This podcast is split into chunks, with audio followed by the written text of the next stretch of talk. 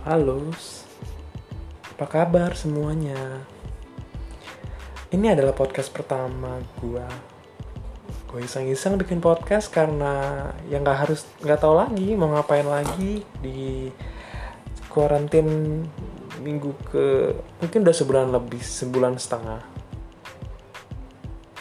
Ini adalah platform yang mungkin ke depannya akan booming setelah sebelumnya ada Facebook, YouTube, orang berkreasi banyak di YouTube dan di Instagram.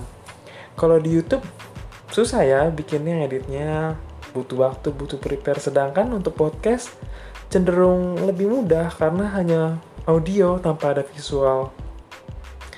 Oke, okay, enjoy the podcast. Selamat datang dan terima kasih sudah mendengarkan gua. Di rumah aja ya.